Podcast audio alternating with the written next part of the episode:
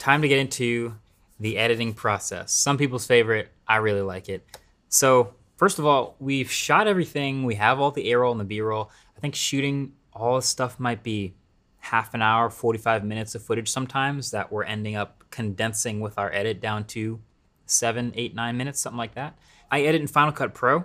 You can pick any nonlinear video, video editor you want. I really like Final Cut Pro for a couple reasons performance, some pretty sweet plugins, and I happen to work on a Mac, so it just plugs right in. So, fun fact the reason I use Final Cut Pro now, I didn't always use FCP, but I used to use Premiere. And uh, I guess my switching story was I went out to LA to interview Kobe with a friend, John Morrison. He shot a BTS video. I shot an interview. We both get back with all our footage. We're super excited. We're to make this video. He puts his video together in Final Cut Pro. I put mine together in Premiere. We both finish around the same time. We both hit export. His video, he exports the whole thing, watches it back, finds a mistake, goes back, fixes the mistake, exports the whole thing again, and uploads, and I'm still at like 15%. And that was a light bulb moment if I've ever had any, which is just for the performance gains, I need to give Final Cut a shot. And the rest is history. I still find it really, really fast to edit in. And I've mapped a lot of keyboard shortcuts to do things that I commonly want to do, like switch between the blade tool to chop apart clips, arrow tool, selector tool is R. So I'll do a lot of stuff on the keyboard and you'll notice, but you can kind of map whatever you want to do. If you want to do a lot of keyboard stuff, you can do that. By the way, I should mention, dual monitor setup, not typical, but I do keep a full screen preview of the clip I'm working on on the right side at all times, and the the piece of the timeline and all the, the clip bin and the effects and transitions on the left side. And basically the way I get into it is I just start to chop up the A-roll and the timing of the actual video first, if there's an intro, that goes in there. If there's graphics, that all gets laid down as the general structure of the video first. So now, like I mentioned, there's a lot of footage that we have to cut down and edit, and a lot of it is me saying and repeating one line a bunch of times and trying to pick the right one that fits into the edit. So I'll just typically, when I'm recording, I know the last take is the best one. And nine times out of 10, the last take of any line is the one I'm going to use. But if there's one that I that I like the middle take better, I'll try to remember it in my head as I'm editing. But generally, I, I, guess I commit a lot of things to memory. I don't really go back to reference the script too much at this point. I've got most of my ideas down in footage form, and now the editing is turning that into the final video. So here is right here the S21 video, originally 37 minutes and 53 seconds of me talking to the camera. So as I get into this, I'm pretty much remembering everything I wanted to say, but here in the, the timeline right before that, I'm literally reading the script and reading what I want to make sure I say, committing it to memory, and then looking up and delivering it to the camera. And a lot of that, the the flow of it is remembering the tone of the previous take, remembering where you're at in the script. You've written down how you want to say things, so at this point it's just a matter of delivering them and cutting them all together. So actually that was me practicing how I want to enunciate a line before I say it. So I'm literally reading off the phone. But anyway, speaking of battery, we again have an ultra number. Making sure the numbers are the focus of this. So when I go into saying it to camera, we're talking numbers. But anyway, speaking of battery, we again have an ultra number. So it kind of works. You you make sure you want to say it the way you want to say it, and then you say it. So basically, I've laid out on the timeline the A-roll and the audio for the A-roll. It's all set up here. And I save that as a compound clip so that they're together and synced. And then I will do this, which is edit all of the A-roll into the timing of the video. So the pieces where I'm just reading for B-roll, I can just read it off the phone because it's not delivering it to camera. So that's why you see this.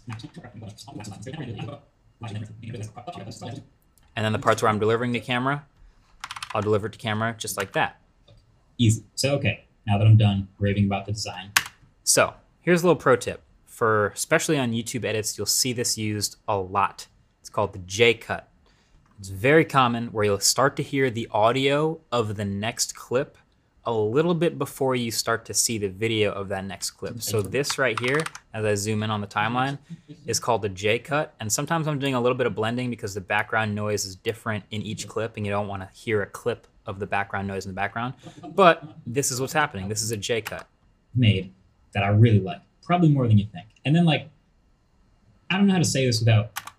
So just this little underlying bit of extra video where you have the next scene beginning audio wise before you start to see it continues the story, continues the edit really well. It's something I think a lot of YouTubers use and I think would be very useful to helping your edit flow a little better. On YouTube, jump cuts are pretty popular and I I'm not for or against them. I just feel like you have to really nail the timing of them. You really you got to pay special attention to how the timing flows. Like I said, I prefer the J cut because here when you're cutting between different scenes of the same thing, so me talking to camera, cutting to me talking to camera, you need some sort of continuity. That's why timing is important. I prefer the J cut over the jump cut, but I can see a jump cut being used well, I'm not against it that's my first step personally as I organize is I, I break down the entire edit from beginning to end. If there's graphics, they go in here. If there's B-roll, I haven't added it yet. And that's how I land on the rough cut, which is 14 minutes long. Next step, B-roll. So here's a version now where I've added all my B-roll and all my titles and everything over the top of me talking. So again, I had that compound clip, which is just the A-roll, locked it up. Then I cut up that compound clip into the video itself with just the takes I need. Now I've shortened it to 14 minutes. And now I'm adding the B-roll of the actual thing I'm talking about, which is up here now in my clips bin, and dropping it over when I say that thing. And a lot of this this timing gets better as you do it more often, where as you're shooting, you can kind of hear the voice in the back of your head of how you're saying things, so you can match it up with whether it's a phone review or a, a, a makeup palette or a bike part, whatever's happening, you can kind of hear it as you're making that thing happen. So as you shoot for the editor, this makes it easier for yourself. But basically, yeah, I've I've gone through the whole timeline and everything that we shot, we've looked at the script and made sure we needed to get those shots. And then we've made that happen on camera. Here's an example of a top down where I talk about some settings. Here's an example of taking a photo because I'm talking about the camera. Did some outdoor shots, did some indoor shots, and we put it all together. And my next line usually is I go through the whole timeline and I just lay down all the B-roll.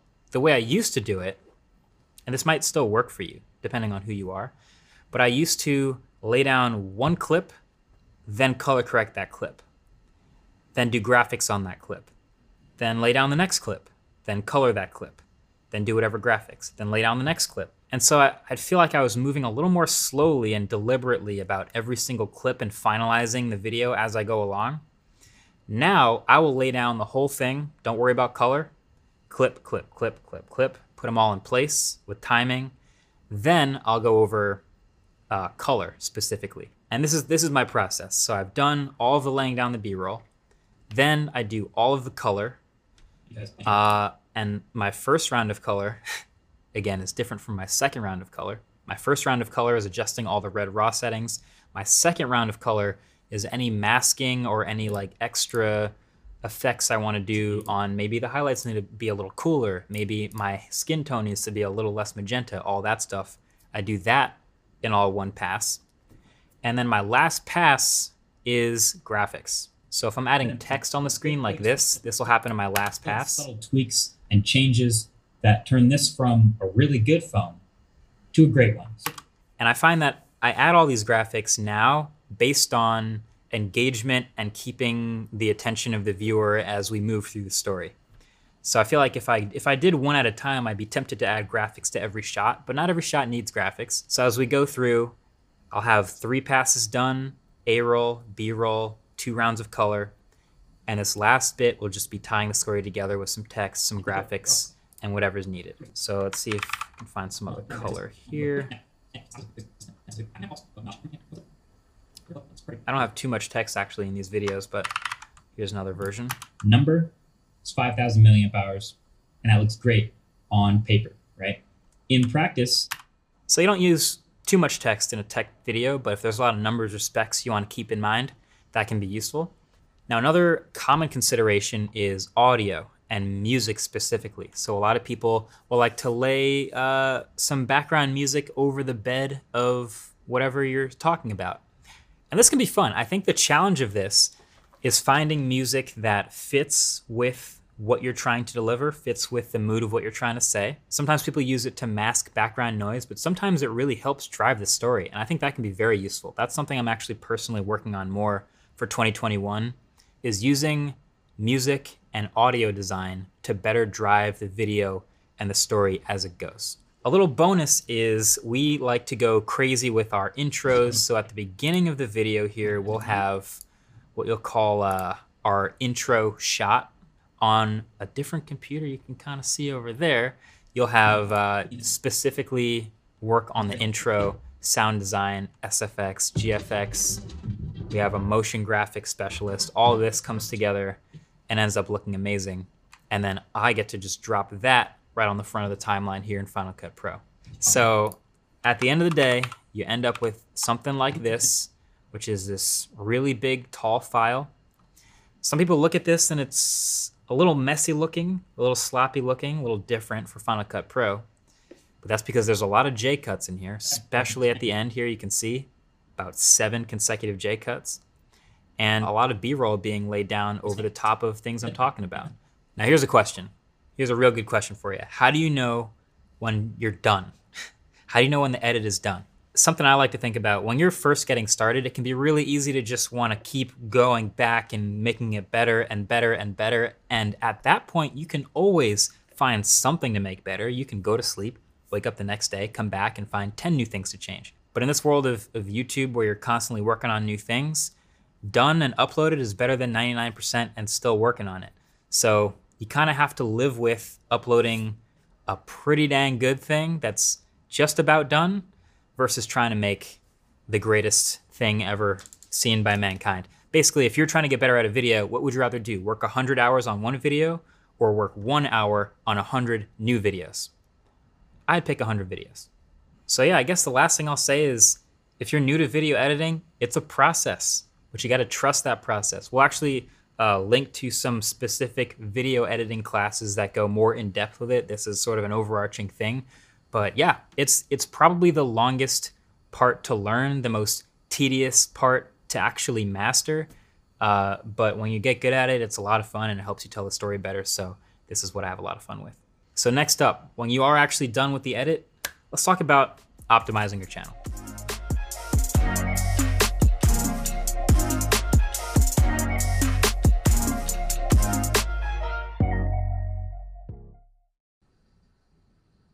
Now we've got our visuals, we've got our script. Now we have to get into actually shooting the video. So this is gonna be what our typical shoot style looks like. You've seen, you know, this is the setup, the, the camera's in front of me. I will literally have the notes right in front of me, like on my lap, just like that, hidden, so I can reference them and read them and, and not forget what to say. But uh, yeah, let's let's take a look around the studio, how we use some of these sets, and then how you can apply it to what you're doing. All right, so now we're over here in uh, what I'd call the expanded gear closet. Used to be just a closet, then a bigger little wardrobe thing. Now it's the gear room, basically. Moving up, it's fun. So I I think I'm gonna just talk about the gear fundamentals because at the end of the day, yes, we use a lot of different equipment, but there's reasons why we use and have each one of these things, and it comes down to a fundamental reason. So, like I mentioned, we always want a wide angle lens. That's like sort of my primary. They say date cameras marry the lenses. I'm a huge fan of Sigma's wide angle zooms. We use zooms a lot more than primes nowadays for the convenience. But this is the 24 to 35. It's a cine lens as well. They make a stills version, but it's a wide angle zoom. Anything wide angle and versatile for you. Maybe you find you're cool with 24 millimeters all the time. That's fine. But I love a wide angle zoom. Then I have what I'll call my medium telephoto. And I kind of have a go to from every one of these categories, despite how much stuff we have. Zeiss Otus 55. Very sharp, very fast, very bright lens, quality stuff. Then lastly, I always have a, macro lens. There's a lot of macro shots you'll see interspersed in the videos. And the go-to, one of the greatest lenses of all time, in my opinion, Canon's 100 millimeter f2.8 macro. Super, super tight focal distances on things so you can get the tiniest little details of things and shoot them from far away. Love this lens. And so that sort of trio is my go-to. A lot of these other lenses fall in the same category, but the point is a wide angle zoom, a versatile sort of do everything lens for me, a medium telephoto, and a macro. There's also other cameras we use for other things. Some are a little bit lighter weight, so we can shoot in smaller environments and shoot handheld with them with car videos and sort of stuff like that. I think our main focus with camera stuff, like I said, is they upgrade over time. The tech gets better and better over time. We might not have the same camera for very long, but high quality, easy to shoot, easy to use. Long battery life is great too. And then the rest of this gear room is just batteries and filters and various little things that you pick up. The more time you spend shooting video, the more you'll find things like circular polarizing filters, ND filters, all the stuff that you sort of slowly add to your arsenal is great sometimes. You don't necessarily need them all the time, but they're nice to have. All right, now let's get out of this terrible sounding room to talk about good sound. I feel like every video, oh, sounds so much better. A great video is nothing without great sound, right? So, my number one audio fundamental is get the microphone as close to the subject as possible. That is the absolute number one rule. So if you have a lav mic, something might go underneath your shirt, you try to get it close to the subject, try to get it as close to the mouth as possible. Or if you're shooting with what I use, which is a shotgun mic, no matter what shotgun you use, it'll sound better when it's closer to your mouth. So every setup I use is designed to try to get that mic as close to me as possible. A lot of times for me, that's underslinging it so that the area behind the mic is carpeted and much smaller. But generally, just get it close to you. That's the best thing you can do. The last thing I want to do is put the mic on the camera. And then lights. It's well lit typically in this room, in this studio, but we often add a lot of lights to sort of get that cinematic look. So we have a key light.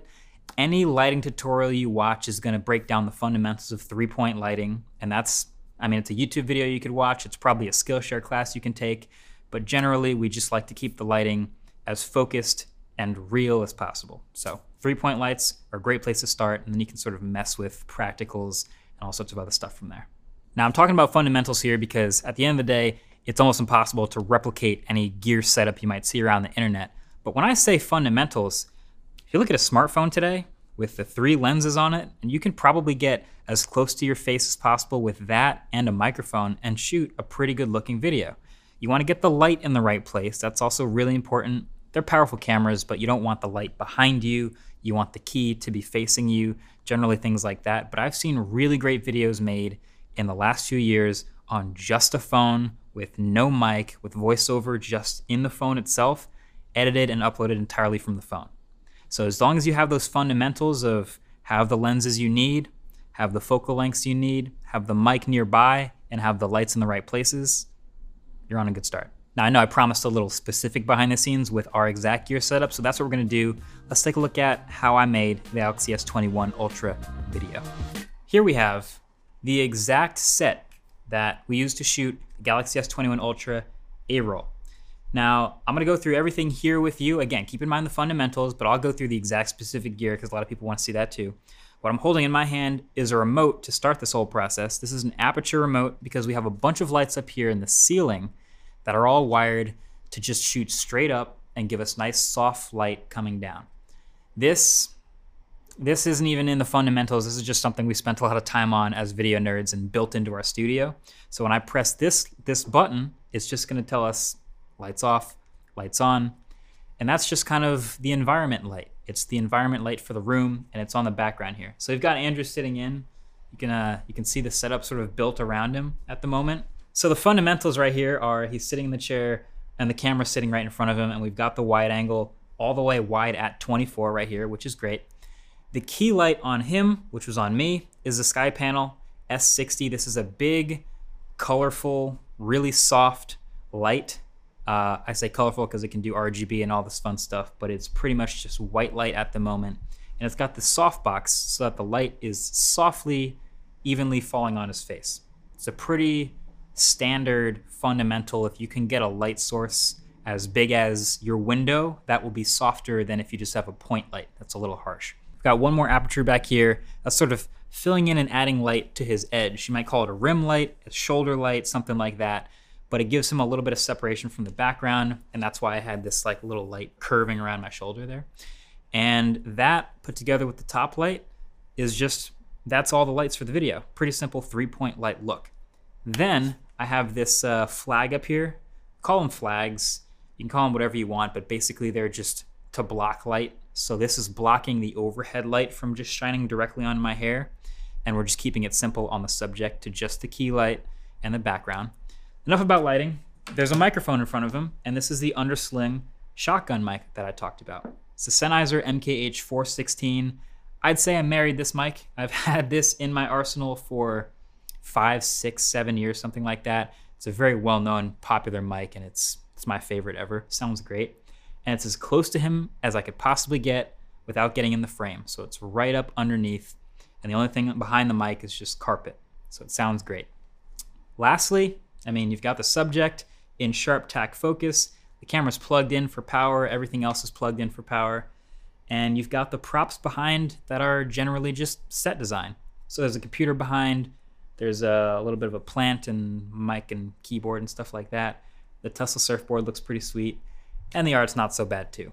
But all of that put together gives you gray wall background, A-roll set, Galaxy S21 Ultra. You've seen it here first. So a video making day for us, I kind of separate the schedule for this team into different types of days. We have production days and non-production days. But a day of filming a video from top to bottom can look any number of ways, but it's a bunch of hours of different types of shooting based on what's in the script. So our A-roll set is typically the fastest setup actually, unless we're going crazy with Easter eggs, but that might be 25, 30 minutes to set everything up. Then we shoot it. But B-roll, it's typically the team going off and seeing that script and deciding what would look best for it and then shooting it. So at any one given time, we might have me shooting first person shots on one side, you could have Vinh in the studio with a little dark mode going on, shooting some slider shots, getting a little more dynamic. And then you'll have Brandon in the robot room setting up the robot as we start to put all these pieces together like a big puzzle to make the final video. A common question is how long does it all take to make? For example, the Galaxy S21 Ultra review, if we started at 10 in the morning, it was done being shot by like 6 p.m., but then I was done editing by like 3 a.m. So that process was pretty long. But yeah, it really depends on the video. Some videos are actually pretty short and they happen in one day. And we go off script all the time. Uh, I think a lot of people, like I said, get really beholden to like a shot list. Our shot list is very much just the text, and any way that we can convene and show the thing is fine. A lot of times we're in the middle of something, like Vinh will be doing the slider shot with the ring light, and then we go, hey, wait a second, that's a thumbnail right there, isn't it? and then we just go all in on making that that piece. So it's not like we're prescribing what will be the thumbnail, what will be the B-roll for each shot. It's more we're we're on the wide angle. Let's do a bunch of the wide stuff and see how much of the script we can cover. Then let's switch to the macro. See how much of the script we can cover with that. We sort of go back and forth until we, we get our creative looks here and there. So it's a little less formulaic and a little more freestyly. I guess we couldn't talk about gear without including the cherry on top in the studio, which would be like the ultimate piece of gear, and that would be our camera robot. It's not necessary. It's definitely not necessary, but it's a lot of fun. We've talked a little bit about having a slider to add some dynamics, some movement to your shot. This is one of the things we've added on top as something that's specifically hard to replicate. So if you've ever seen one of those robots in like a car factory that just like picks a car up and moves it around, it's one of these, but with some software and an Xbox controller. So it can do things with a camera that a human arm can't do. Like, Andrew, you want to run the move we just ran? And it can repeat those moves with expert precision over and over again. And we like to design moves around it. So the beginning of the S21 Ultra video, as we descend upon the phone and the time of day changes, and the background lighting changes. We repeated that shot on the robot multiple times in different environments to fade between them. That's the type of fun we like to have with this robot. So anyway, that's about it for shooting. Just wanted to include that. Next up, let's talk editing.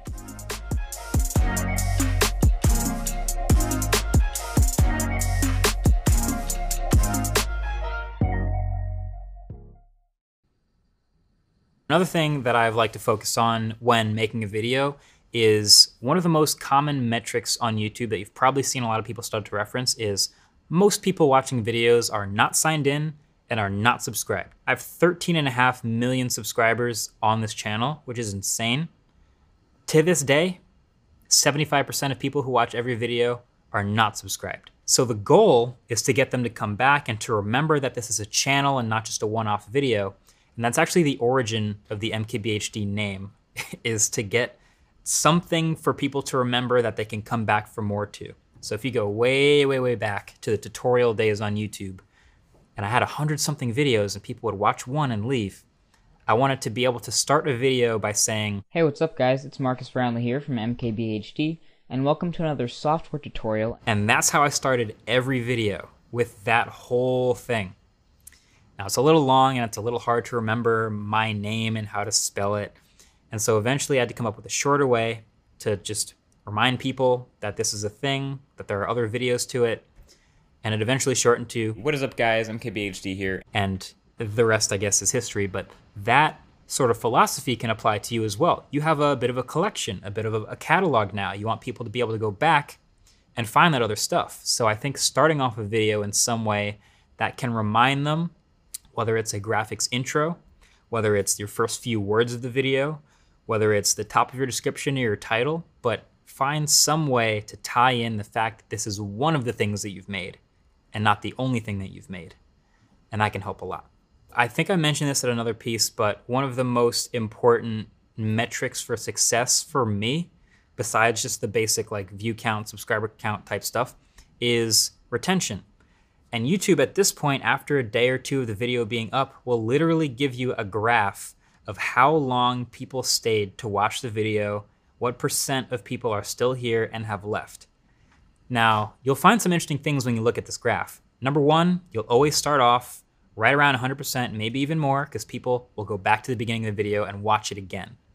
So we're at 112% at the beginning of the video, which is pretty sweet. You almost never end a video anywhere near 100%, and the longer the video, the lower it is. But what you'll also see is some little spikes where it goes back up and back down again. And when you see those spikes, it's pretty useful to go back in and watch over what was happening in the video, what was either being said or being shown, that you can think, oh, people rewound and watched that again. People really cared about this piece of the video. And that you can use to drive when you go back to your editing phase for the next video, trying to create more of those moments to help people stay engaged for longer. So I, it looks like I have a moment pretty late here in the video where it goes from 46 to 52%. So let's see what happened there. how you get to that photo and video that are better. There's countless examples of this. So right when you first open the camera app, Samsung asks you if you want to take natural or bright selfies instead of just defaulting to bright all the time. Okay. So I understand this one because I was talking about a feature in the phone where you can switch back and forth between two options and see the difference. So I imagine at this point in the video, people are going, wait a second, can I see the difference? And they're going back and rewatching to see if they can see the difference between natural and bright selfies. Makes sense. They rewound, they watched it again. That's the spike in retention. And maybe something I learned from that is a little more A B comparison. I think I've shown a lot of side by side photos in the past that are pretty helpful. Maybe I do an A and then a B takes over the screen instead of showing them side by side. That's the type of thing you can learn from looking at retention. I think generally it becomes more self explanatory over time. You start to notice certain things that you do, certain things you get good at, like intros or like graphic design, uh, can really help people stay engaged with your video. I'd say these days I spend a little less time in the analytics than I used to. I used to really focus on the analytics as if it was the number one thing that could drive the growth of a channel. And to this day, as much as we talk about YouTube's algorithms and everything that they focus on and how it can change over time, I still think they're all targeted towards driving and rewarding quality. And that's what I end up focusing on is making a good video. Because if you think about it, YouTube as a site, they're a business. They want to keep you on youtube.com as long as possible, right? So they can serve you as many ads as possible and make as much money as possible. I think people construe this as well, YouTube is rewarding longer watch time, so they're rewarding longer videos. Oh, YouTube's rewarding um, channels that upload daily.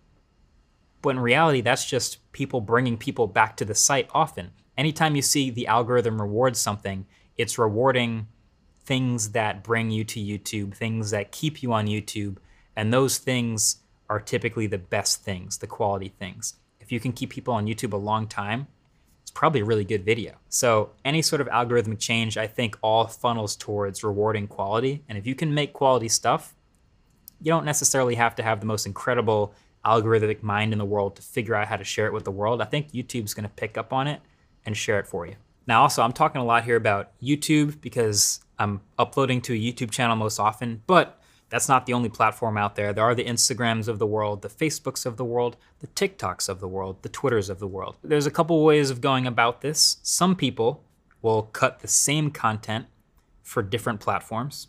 So I could cut this video I made of the S21 Ultra and just pick out the highlights and put that on an Instagram reel. Works sometimes, but I find that, at least in my opinion, natively creating for each platform is a way better way of going about multi platform content. That's extra work, don't get me wrong, but actually shooting that vertical video that's a little more fast paced specifically for Instagram, or if you want to just make a TikTok, use TikTok's built in tools. The editing, all of the memes come from being built into TikTok. So I think being native to each platform is more important than just spewing out the same thing everywhere. And if you spew the same thing everywhere, also, to me, I'm like, why would I follow you in all these different places? It's going to be the same thing. So I'll just follow one place. So if you can make different things native to different platforms, then you're doing something right. Now, if your question is uh, how do you go about expanding on other channels? If you're starting on YouTube, at what point do you start tweeting? And at what point do you start making Instagram stuff? I think it's that's the part that's actually most up to you and what you're most comfortable with. So yeah, when you get down to applying all this for yourself, really you want to post your video, you want to pay attention to those analytics and see how it behaves. And then once you see those behaviors, try to figure out the why.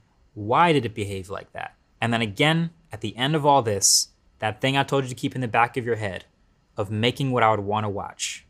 Watch it back to yourself and think, is this what I would want to watch? Do you find yourself watching your own video and sort of getting bored and phasing out two minutes in and then coming back at the exciting part, maybe there's something you can do trimming out that middle boring part there.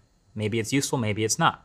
So it's sort of the eye test. It's the eye test because it's what you're looking at, but it's the eye test of what I would want to watch. So that's something to keep in mind. And I think it's ultimately the most important piece of all this. So as you consider each of these platforms, think about what you think you would do differently on each of them and when you can come up with that thing and when you like that difference, then dive in. So there you go. You've uploaded your video, you're getting started, and man, this is this is always something to this is the exciting part for me, is the beginning, getting started. And uh, I, I can't wait to see what you create.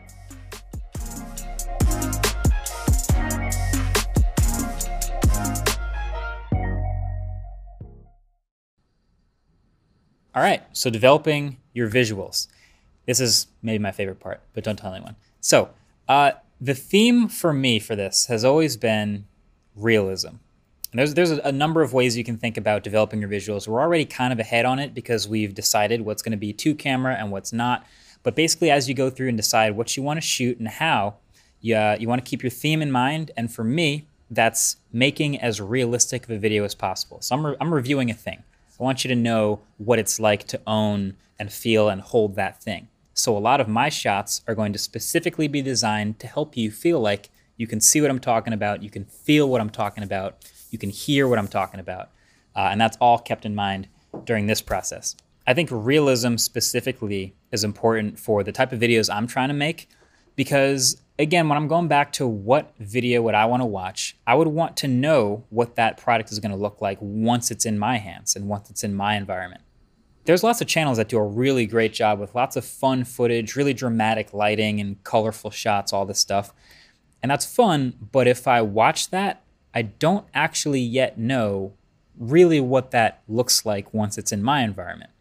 So I again focus on the realism of lighting and outdoor environments and things like that to help the viewer better understand what they're looking at and how it actually looks.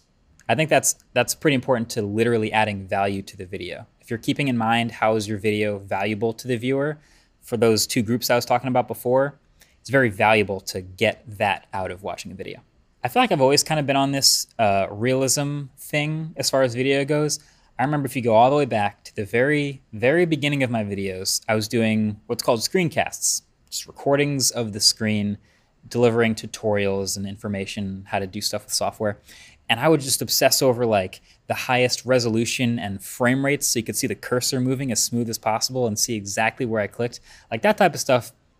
Not a lot of 14 year olds care that much about that type of thing, but that is a common thread. I've always cared about delivering that realism. So ever since I got a camera, ever since I started doing videos of hardware, that's always been what I've been trying to do.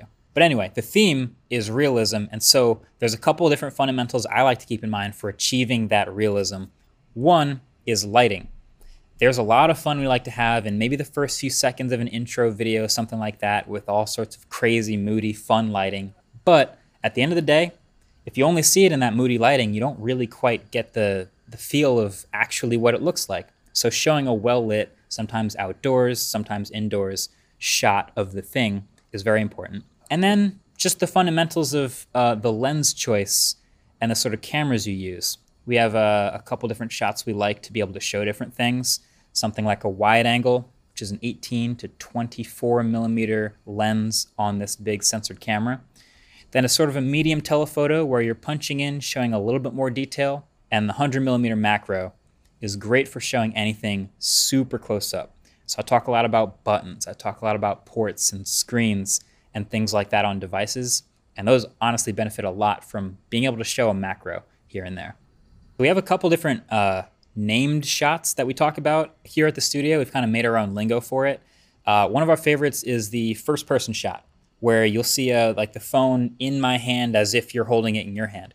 And that's literally me holding the camera right in front of my face, focusing it and adjusting and making sure I get that first person view of how you would hold the phone. We also have what we'll call third person shots, which are shots of the outside perspective of me using the phone or the tablet or whatever it is. We mix those in sometimes when it's not as important to see it from your own perspective. And then we have a couple other random specialty shots. We'll have our intro shot, the crazy, fun opening few seconds of a video we'll work forever on. We'll have our robot shot, which is shot on the robot. And we have our top down shot, which is a sort of a specific design. You've seen top downs before, probably, but where the camera sort of points straight down at a surface like a table, and you can show something in this beautifully well lit, controlled environment. We do a lot of those too. You mix them up depending on when you think they're useful, but generally, most of our shots, wider angle, first person, third person. So when I'm going through my script here and I'm deciding how we're going to shoot these videos, because like I said, now that you have the non-bold text, it kind of acts like a shot list. I want to talk about first thing here is the matte black finish. Second thing here is the cameras in matte black. So when I'm literally showing that stuff, it helps to know what best frames and shows exactly what I'm talking about. There's no real science to exactly what shot works best for it. Generally, I'm trying not to be too repetitive. I don't want to do a bunch of the same first person stuff in a row. And I don't want to do too much mixing up where it feels kind of all over the place. So it's a bit of a balancing act. And when you watch back the video as you lay it out on the timeline, you'll get a better idea. But we err on the side of shooting too much and then editing down eventually what we end up showing.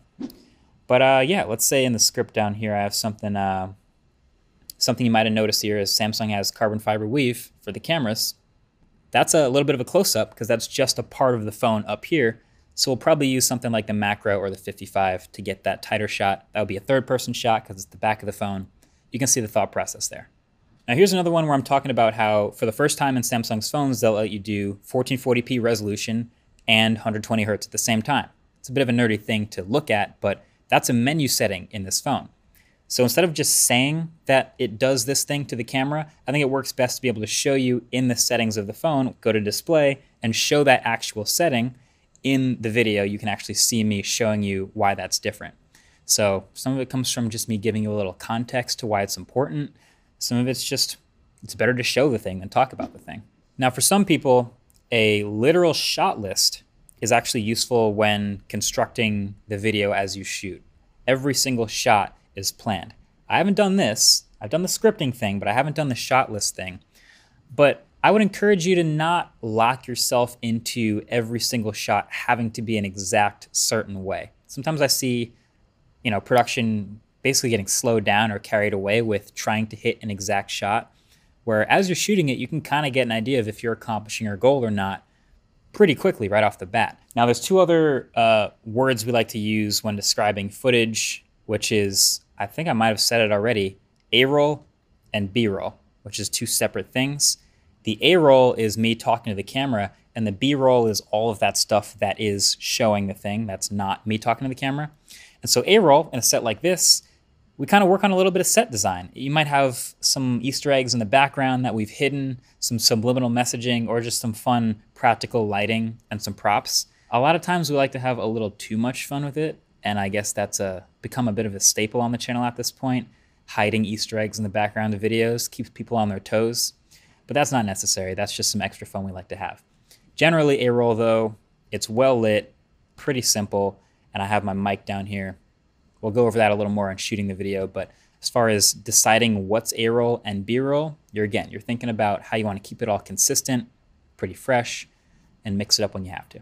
So for me, when I'm when I'm planning, realism is sort of my measure of success for a video. We can have a lot of fun with a video, but if it's not quite hitting that target for realism, it's not actually as successful as we want it to be. So that might be different for you.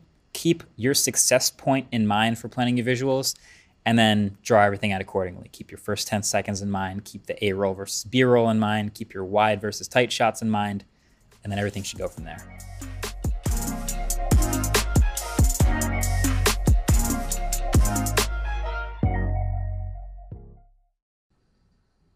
So you've finished your video, you've edited everything, you've gone through the whole production process. Now it's the relationship between that file and YouTube. You can call it optimizing your channel, whatever you want. I just want to say this could be an entire class to itself with many lessons and many ups and downs. But I think you can't learn it all at once. You kind of just have to learn the fundamentals. And I think at the end of the day, if you focus on quality, my philosophy is generally that YouTube as a platform likes to reward quality. We'll get more into that in a bit, but that's generally the focus here. And as you get into the groove of publishing too, over and over, you make more stuff, you'll start to figure out what works with your publishing, what works as your content strategy, schedule, all that sort of stuff. You'll find what works for you. For me, I remember there's a lot of things I was told that you have to do on YouTube that are a good rule of thumb but don't necessarily work for me. One is uploading on a schedule.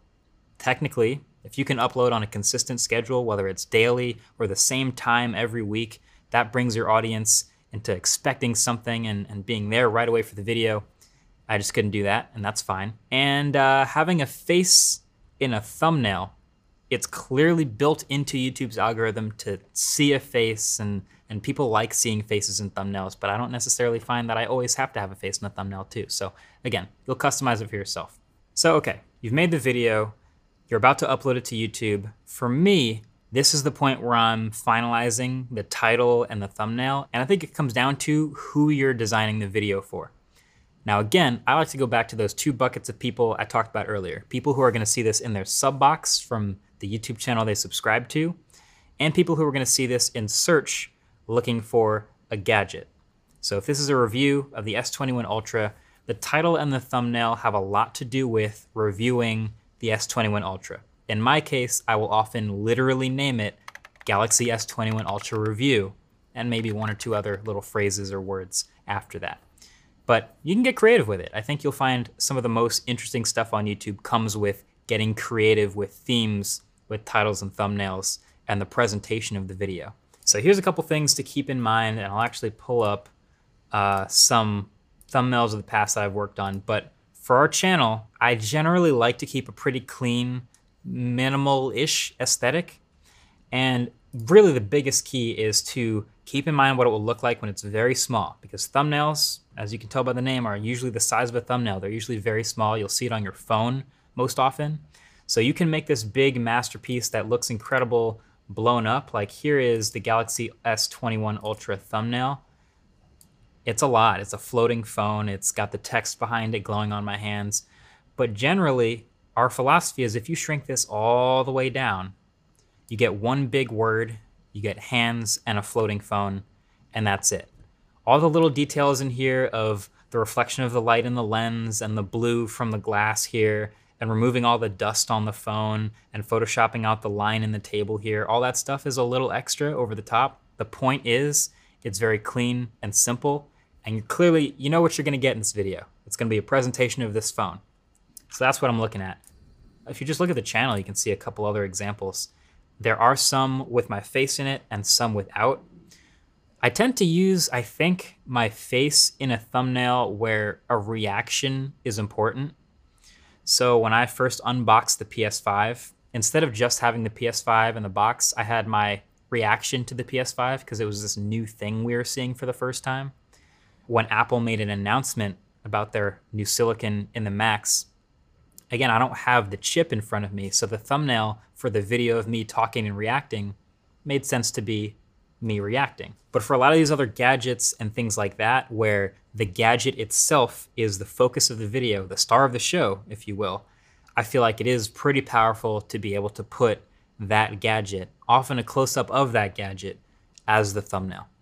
I remember back in the olden days of YouTube, you had to use a frame from the video. It would like auto select a frame from the video, and then you could pick one of three predetermined options. This is a long way removed from those days, so you really get to select exactly how you want to present your video. Titles. My only consistency in my titles, as you've probably noticed, is the exclamation point. It's just, we're getting started off a pretty excited right foot. We're drawing people into the video. But I think having a, again, a pretty short, easy to remember and share title that can tie into the motif of the video that we spoke about in our scripting phase can be really helpful. So let's see, for example, S21 Ultra problem solved. The motif or the common thread that I spoke about for the whole review is how many things they fixed versus last year's phone. As you jump into the video, that's the first thing I talk about. That's something I address constantly throughout the video, and that is the title Problems Solved. It addresses people subscribing who just want this entertainment. It addresses people buying the phone who just want to know what it's good at or what it's bad at. Question you might have is if your video is explaining something or answering a question do you give it away in the title? So there's something called Betteridge's Law of Headlines, which states that it's an adage, it's not necessarily true, but any headline that ends in a question mark can be answered by the word no. And that's usually true. so if you're asking if something is too good to be true in your headline, the answer is probably no. It, it exists. But a lot of times we struggle with do we want to give away too much in the title. If we just ask a question, can that lead us into the video? I wouldn't worry about giving away too much. I just feel like your your title and thumbnail are really there to present what's behind the title and thumbnail. It's like painting the front sign of an amusement park in the most enticing way possible to get people to ride the rides. The rides are going to be great. They'll speak for themselves. But no one's going to go to the park if the sign sucks. So, yeah, make a great sign.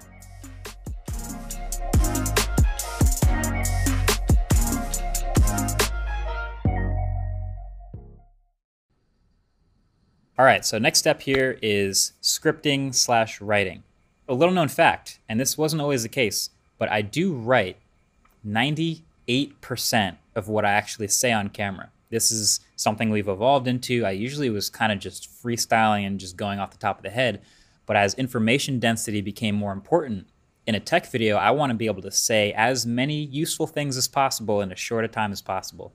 So I end up basically scripting the entire video before any of the actual writing happens, a lot of the, the process for me is researching and planning. And this comes from who I want to be talking to. So, again, back of the mind, making a video I'd want to watch. I'm making a video that's trying to bring as much information from as high level points and technicalities as possible and bring it down into the most effective, digestible version in text and speech. So, a lot of this is knowing your audience, knowing who you want to speak to, and so again, if I'm using this phone video as an example, a lot of this is coming from me actually using the phone. This has come from days or weeks of me taking a lot of pictures, playing a lot of games, enjoying the piece of tech, but also taking a lot of notes on the things that I eventually want to say and communicate in this review.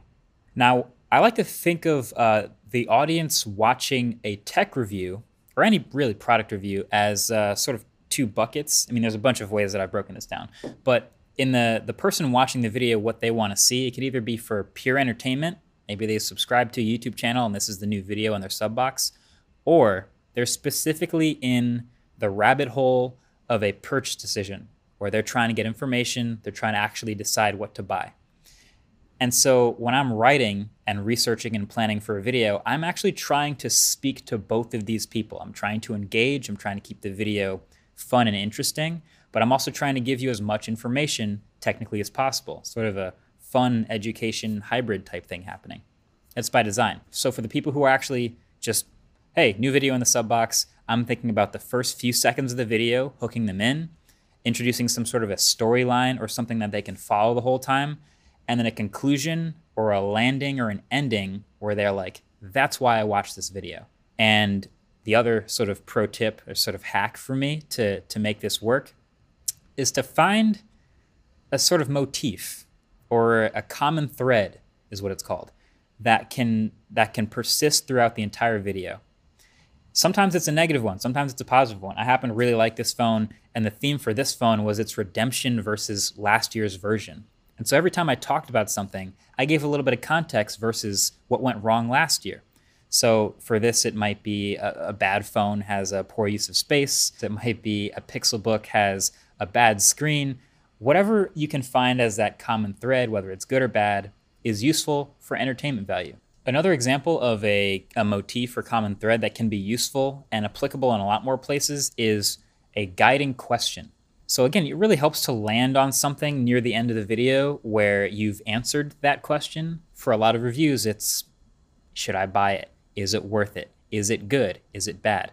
Is it better than last year? If you can keep answering this guided question throughout your entire video, it really gives a sense of usefulness and purpose to the video, which I think is really important, um, both in the shopping world and the entertainment world. Then lastly, the person who's shopping, the person who actually needs to know what to buy. I want to include as much useful information as possible battery life, camera quality, performance, how long I think it'll last over time, how long the software updates I think will last. Some of this comes from research, you hear it from the company. That's just in my case for a tech review. Some of this is just me taking pictures and how do I like it? Some of this is just me playing a game, noticing some drop frames. So all of this, all of this is combined into the researching and planning section. Now, something that happens because I've been doing this for a long time is sometimes I'll notice something, but then not write it down because I feel like it's so obvious. Like I, I took a photo and in the ultra wide, the edges were fringed, but they're all fringed. Everyone knows that. But not everyone knows that. And, and not everyone shopping will actually have that information. Sometimes it's even context from the last few videos of you just glaze over something because you mentioned it in the last video. But not every viewer or every shopper has seen that last video. So you have to actually be careful to include those things you might not think you have to include. So when I'm taking notes on these phones, I, am literally using the phone and opening up. I use Google Keep so I can just keep these documents sort of organized. But I don't take the neatest notes. I'm really just jotting things down as soon as I recognize what's happening. So in these, I have a lot of the official specs up here. But then as I start to use them, I'll like notice more things that are useful. Uh, sometimes I drop frames in a game. Sometimes I, I take a picture and I want to remember that this is a picture I should use to talk about in the review. So I'll write this stuff down. A lot of these are useful numbers because it's really hard to keep a lot of numbers in check when there's dates and CPU specs and RAM and prices all to keep in mind. But that's that's basically what I'm doing as I'm taking notes over the course of using the phone. So just for the technical details, this is something I've been doing for a while. Uh, I use Google Keep for my note taking it's kind of designed for that, but it's multi-platform and it's cloud-based. So anywhere I'm at, if I want to take a note, I can pull my phone out of my pocket. I can pull my laptop out. I can hop in a browser and just write something down. Then the scripts all happen in Google Drive uh, because it's just a cloud-based drive. You can share it with people. They can look at it. They can edit it. They can fact check and put more things in if you want. But if it's just you, you can kind of just put it anywhere you want. You could use a Microsoft Word doc but I think it's important for the note taking for me anyway, is anytime I just think of something or find something, I just want to quickly be able to write it down. So Google Keep for that, Google Drive for the script. This might be for you uh, akin to the research process. If it's a topic you don't know as much about, you're taking those notes, you're collaborating, bringing it all in one place. It's not neat yet, it's just sort of an information dump.